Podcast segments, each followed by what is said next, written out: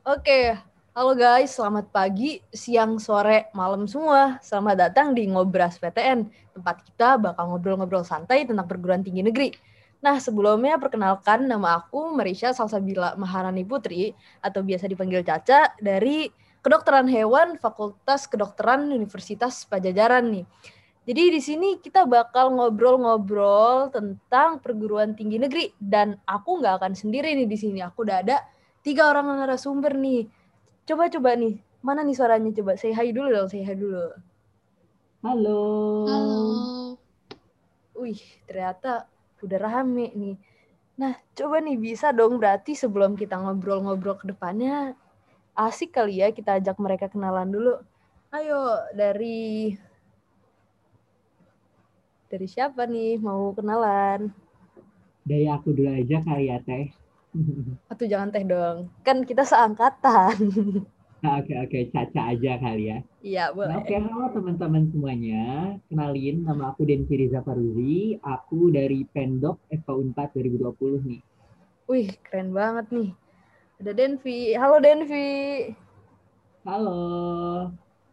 Nah. Halo, Denvi. Halo. Terus ada siapa lagi nih di sini nih? Oke, aku kali ya, Cak. Oke, boleh. Eh, aku juga sama. ken- kenalin, aku Siti Nulatifah dari FK Unpad 2020, jurusannya pendidikan dokter juga. Widih, ada Bu Dokter di sini ternyata, guys. Halo, Iva. Nah, terus narasumber kita terakhir nih, ada siapa nih? Halo teman-teman semua, aku Gina Wafa dari Pendidikan Dokter FK 4 2020 juga. Weh, ternyata narasumber-narasumber kita tiga-tiganya dari pendidikan dokter nih. Aduh. Terus Nah, selanjutnya nih aku penasaran nih. Kalau kalian masuk ke FK Unpad, masuk jurusan-jurusan pendidikan dokter nih, alasan kalian apa sih milih pendidikan dokter ini jadi pilihan kalian buat kuliah? Dari Iva kali ya? Aduh. Em, kalau alasan apa ya?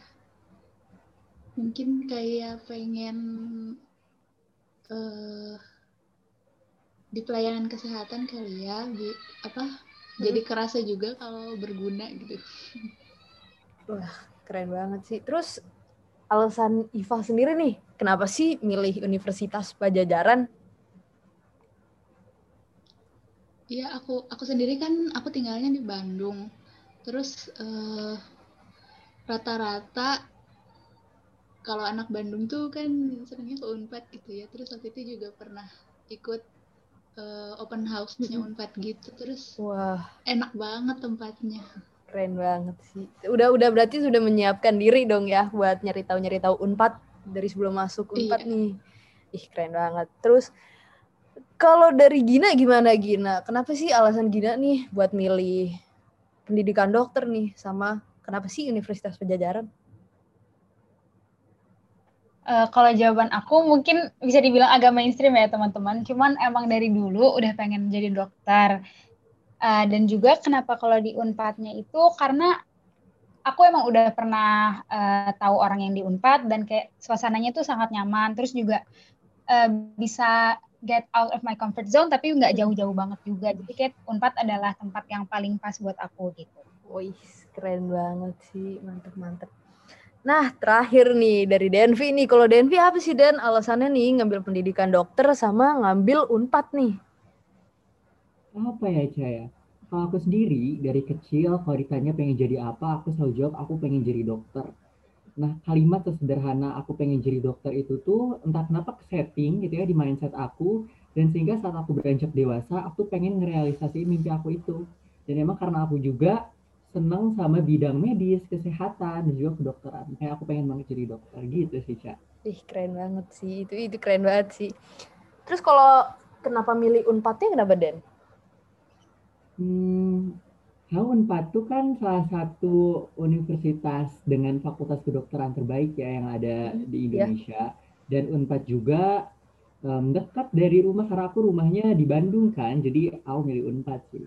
Wih, iya sih, berarti emang biasanya karena ini ya lokasinya deket juga sih ya. Iya sih.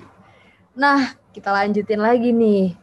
Kan kalau kita mbak masuk ke perguruan tinggi negeri ini pasti seleksi-seleksinya banyak dan susah kan. Nah, pasti ada yang seleksinya lewat SNMPTN, SBMPTN, bahkan sampai mandiri pun pasti dong karena itu salah satu salah satu tolak ukur nih buat diterimanya di suatu perguruan tinggi negeri nih.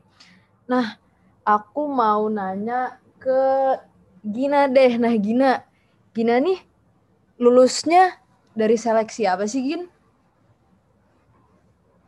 Nah, kebetulan teman-teman, aku masuk UNPAD lewat jalur terakhir ya, bisa dibilang. Jadi aku masuk lewat jalur SMUP atau ujian mandirinya UNPAD. Dari ujian mandiri nih kalau dari ujian mandiri Unpad kemarin gimana sih mekanismenya gitu kan? Kebetulan kita lagi online nih, semuanya serba online nih ujian. Nah, itu gimana sih mekanismenya? Nah, iya, eh, kebetulan kemarin kan emang ada perubahan ya teman-teman karena pandemi harus semuanya online. Nah, jadi kalau ujian kemarin sendiri sih ada ini Ca, ada dua uh, tahap bisa dibilang. Yang pertama kita ada trial dulu untuk ngecek servernya gimana, kayak gitu-gitunya. Dan baru dilaksanain ujiannya hmm Eh, secara online juga nih di rumah masing-masing. Wih, keren juga berarti ya. Berarti online ya ujiannya nih. Nah, terus online juga semuanya.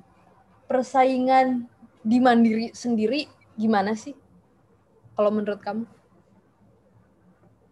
Um, kalau misalnya menurut aku ya persaingan Mandiri itu mungkin uh, bisa dibilang paling menegangkan kali ya. Soalnya itu tuh kayak benar-benar pintu terakhir gitu, pintu terakhir untuk masuk uh, eh, FK Unpad dan mungkin universitas-universitas lainnya juga tuh melalui mandiri. Jadi emang menurutku orang-orang tuh udah gaspol banget bisa dibilang kalau pas ujian mandiri itu. Hmm. Jadi emang benar-benar momen momen-momen penentu lah ya mandiri itu. Iya banget parah. Keren keren banget sih. Kalau dari Denvi nih, Denvi lulus dari seleksi apa sih? Um, kalau aku lewat SNM, Cak. Wah, lewat SNM nih. Kalau lewat SNM sendiri sendiri tuh gimana sih dan per persaingannya? Um, kalau SNM sendiri sebenarnya termasuk jalur yang nggak bisa ditebak ya, Cak, persaingannya hmm. karena kita sendiri nggak tahu gitu teman-teman dari sekolah lain yang daftar ke univ yang kita tuju tuh gimana. Terus hmm. kalau untuk mekanismenya sendiri, SNM tuh pertama kita di ranking dulu satu sekolah, terus kalau misalnya kita masuk ke pemeringkatan sekian persen yang ditentukan oleh LKMPT, baru kita boleh daftar nih masukin jurusan pilihan kita. Gitu secara umum. Berarti ada rata-rata rapot dong ya, Den?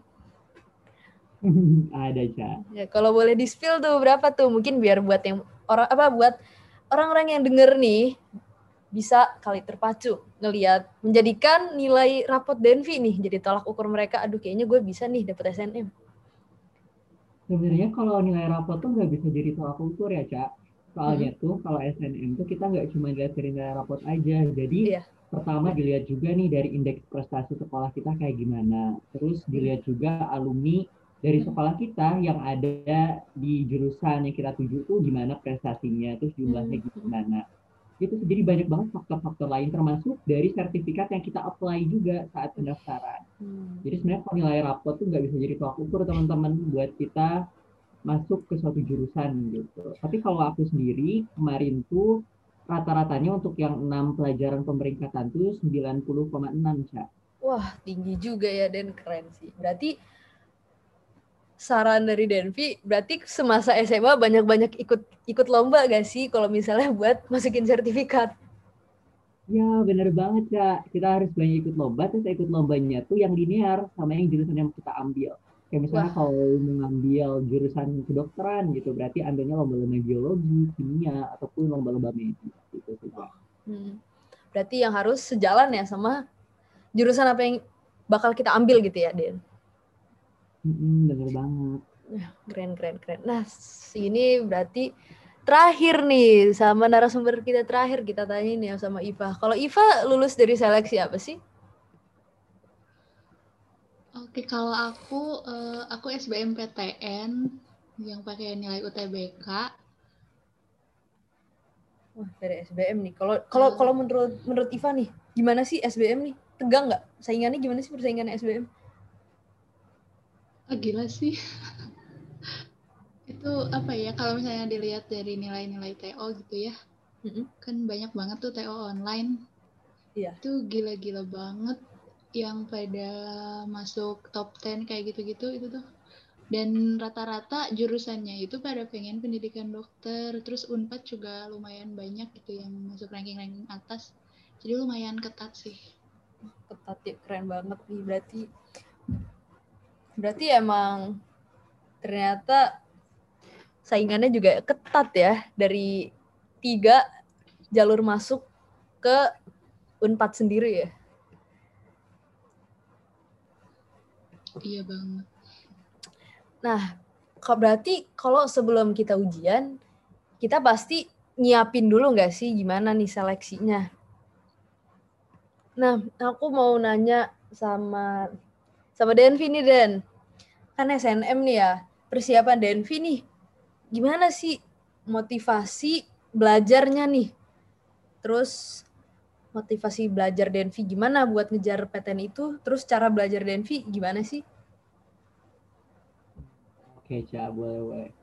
Jadi sebenarnya kalau untuk SNM sendiri, kalau diibaratin ini pertempuran gitu ya, SNM itu termasuk pertempuran dengan persiapan yang jangka panjang gitu. Jadi nggak bisa langsung satu semester, dua semester. Jadi kalau kita mau ikut SNM, kita mau surat SNM, lebih baik sih dipersiapinya dari kita awal masuk SMA gitu, kelas 10. Jadi mulai kita em, apa namanya tuh, mulai dari naikin nilai raport, dan belajar dengan baik gitu ya dari kelas 10. Dan juga sebenarnya kalau untuk SNM sendiri kita nggak boleh terlalu berharap sama jalur ini sih, soalnya kayak banyak faktor faktor X-nya gitu nggak sih guys, teman-teman yang Iya. lain, Iya, iya. ya kan? Yap. Makanya lebih baik kita fokus aja sih belajar di UTBK-nya, tes BMPTN atau buat SMUP gitu, karena em, itu bakalan lebih ngebantu kita kalau seandainya kita eh, nggak dapat nih, belum dapat, belum rezekinya di jalur SNM ini. Jadi kalau aku sendiri sih kalau untuk motivasinya, yang jelas em, fokus sih sama tujuan kita. Kalau misalnya kita udah punya tujuan, entah itu apa pun motivasinya, pasti kita bakalan semangat belajar. Dan yang kedua adalah konsistensi. Harus konsisten. Jadi kalau aku sendiri orang yang menganut prinsip em, terbiasa karena dipaksa gitu. Jadi aku harus maksa dulu diri aku, push to the limit, terus aku baru bisa ngerjain target aku gitu sih, Cak. Ih, keren banget nih Den. Terus di samping dari motivasi-motivasi kamu ini, hal-hal lain dalam kamu mempersiapkan diri tuh ada apa aja sih Den? Em, aku eh, jawabnya yang lewat jalur aku aja kali ya yang buat Iya. SNM. Soalnya kalau SBM atau SMUP mungkin nanti dijelasin nih sama IPA sama Gina. Iya. Kalau buat SNM sendiri, jelas yang pertama em, nilai rapotnya ya. Apa namanya tuh usahain gitu kalau misalnya kita mau masuk ke jurusan tertentu kita harus tahu dulu nih peta persaingannya di sekolah kayak gimana. Misalnya kita ranking ke berapa nih untuk jurusan pilihan kita di sekolah. Apakah kita masuk ke peringkat atasnya atau em, peringkatnya sedang atau peringkat bawah dari jurusan itu? Karena itu bisa jadi salah satu pertimbangan juga. Yang kedua adalah sertifikat. Jadi usahain nih teman-teman yang mau daftar atau apply di SNM sertifikatnya dikumpulin yang banyak maksudnya yang linear gitu ya meskipun sertifikatnya nggak juara gitu sampai peserta aja itu tetap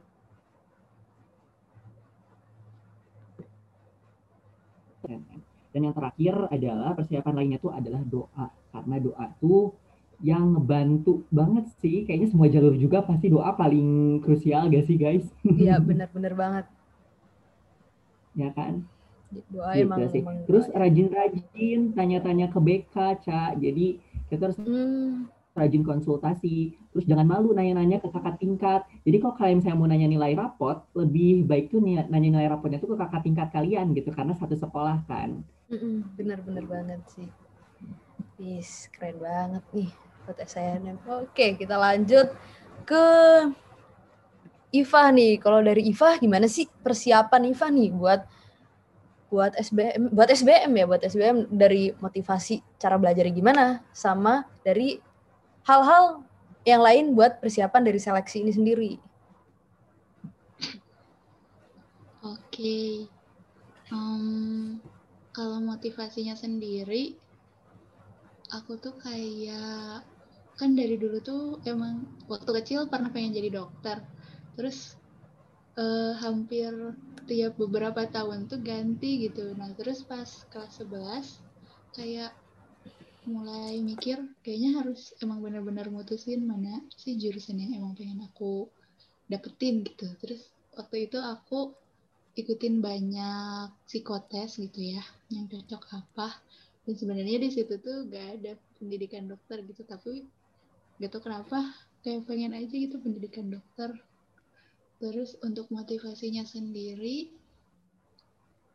um, aku sering ini sih apa baca-baca buku-buku kayak gitu buku-buku pengembangan diri atau inspirasi terus sering nonton film-film juga tentang dokter kayak gitu kan jadi ngelihat aslinya gitu kayak gimana uh, pekerjaan seorang dokter itu terus cara belajar kalau cara belajar itu masing-masing orang kan beda-beda ya yeah. kalau aku sendiri aku tipe yang harus direncanain gitu dan harus punya target yang jelas makanya waktu uh, kelas 11 tuh harus udah masang target gitu mau jurusan apa gitu Ca Ih keren banget sih berarti mempersiapkannya memang benar-benar udah mateng banget ya Mantap banget ya, Ca Iva. Ih, keren banget sih. Jadi malu. Aku penasaran deh, Iva berapa di skor UTBK-nya? Coba ditanya. Ya. Kayaknya gede banget. Coba, coba, Aku, coba. Aku uh, kemarin tuh sekitar 625. Ih, gede banget. Waduh. Gede Mantap banget. banget. Wow. Keren, keren banget sih. Berarti eh, emang bener ya, maksudnya or, apa anak-anak yang masuk ke Unpad nih, terutama FK nih, kayaknya menilainya gede-gede nggak sih? Iya. Tergantung jurusannya juga kali ya. Iya bener. Udah saingannya ketat banget sih, pantas sih nggak heran. Nilainya aja Iya, segede-segede ini, itu. Apa? Terus kalau misalnya untuk UTBK itu kan kalau UTBK ber- ad- ada beberapa hari ya. Mm-mm. Terus menurut aku eh, jangan ambil yang terlalu akhir atau ambil ya bebas sih sebenarnya menyesuaikan tiap orang gitu. Kalau aku sendiri Kalau kamu dapat kapan nih? eh, ambil hari, aku hari pertama. Ih enak banget dong dapat hari awal, ih keren banget. Tapi emang emang iya sih. Emang Soalnya- tegang, tapi Eh, iya bener, rada tegang. Tapi abis kayak gitu udah nyantai gak sih? Karena dapetnya di hari pertama gitu. iya Udah enak banget, gak punya beban. Bener Yang kasihan tuh hari terakhir gitu. iya udah udah banyak banyak mendapat Bocoran testimoni- soal testimoni. gitu. Ya, tapi emang begitulah. Jadi ya itu mah doa aja sih. Kalau misalnya semoga dapetnya nggak di akhir banget, nggak di awal banget. Itu mah doa. Itu balik lagi ke sistem komputernya gak sih? Iya Bener, benar-benar. Tapi bener. waktu waktu kemarin tuh milih cak gitu. Ah, kamu milih? Mau hari Kok aku Eh, nggak bukan dapet milih, milih? awal awal awal apa pak cepet-cepet apa ya? Oh iya iya sih. bener. Cepet-cepetan. Iya aku aku nggak milih dong. Aku aku tuh kelempar. Ih sedih banget. Jadi bahas SBM. Jadi ya udahlah, udah lewat juga. Nah, terakhir nih kita tanya sama Gina. Kalau Gina lulus dari seleksi apa sih? Terus eh persiapan belajar Gina gimana sih dari motivasi terus sama hal-hal lain yang Gina persiapin nih buat ujian?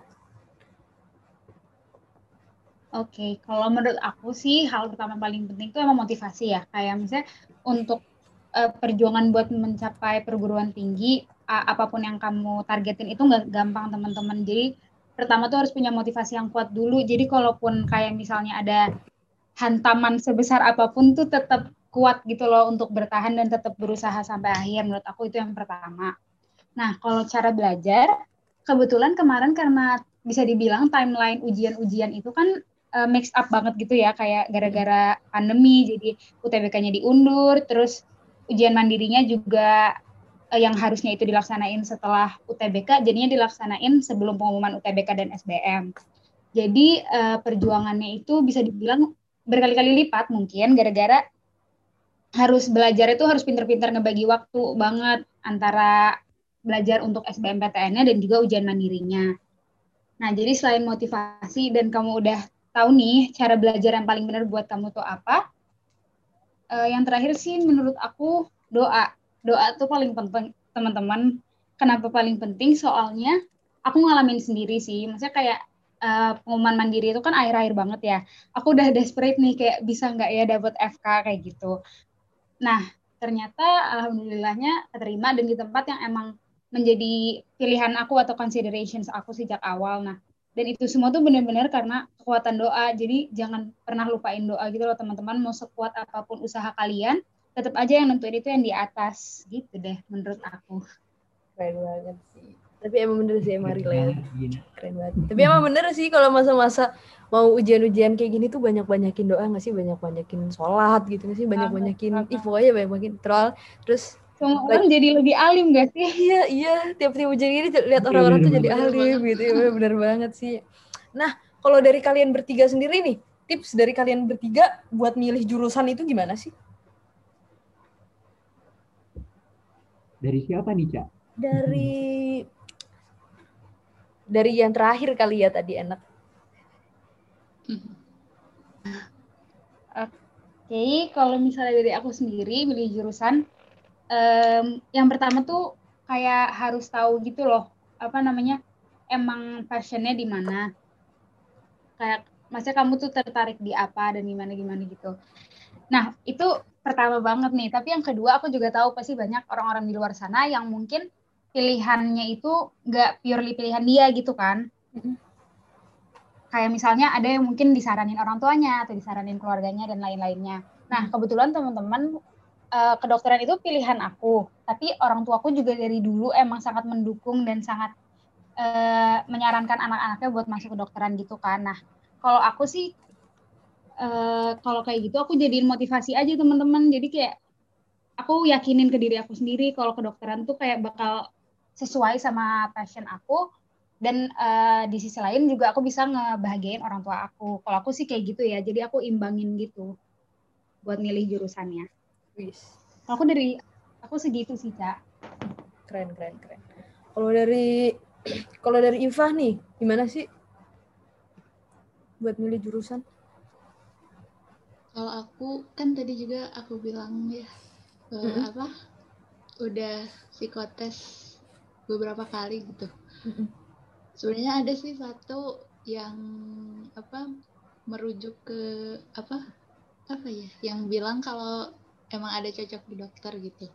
Terus pas konsul juga sebenarnya tuh dibilangin katanya emang nggak cocok jadi dokter gitu ya. Yeah. tapi aku mikir lagi gitu.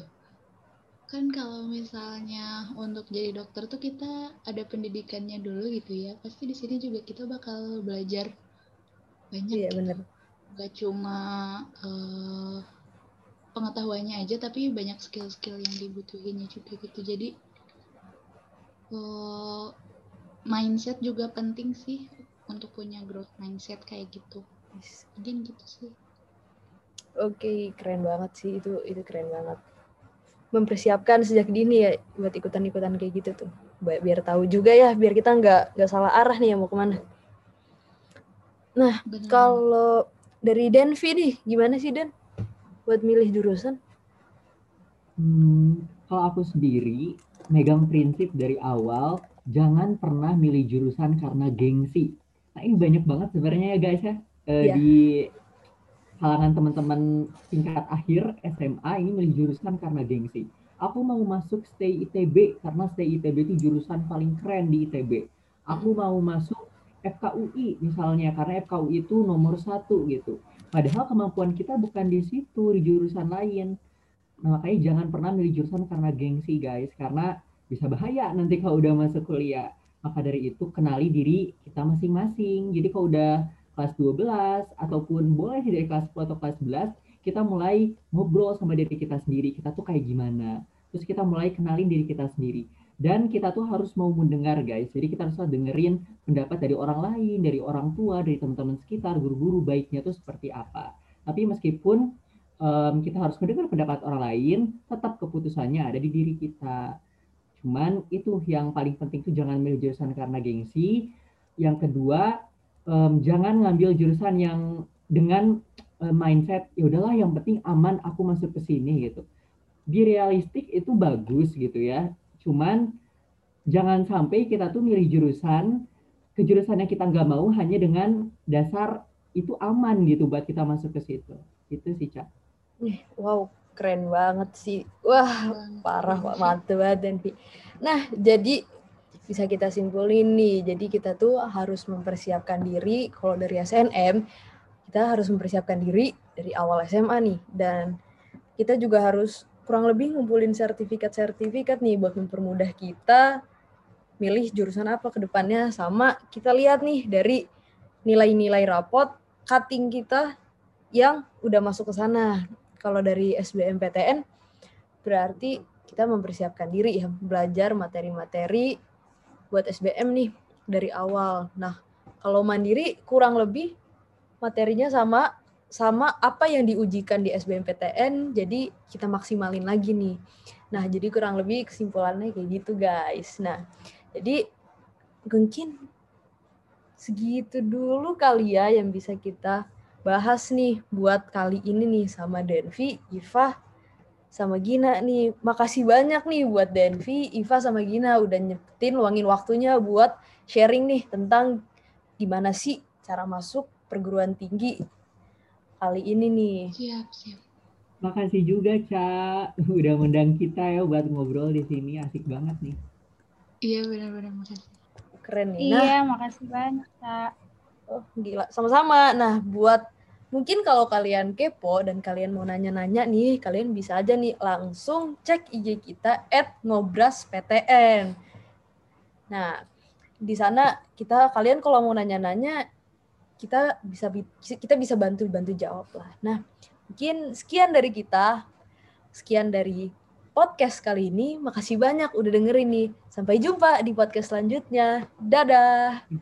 Semuanya dadah. dadah sampai jumpa semuanya. Makasih.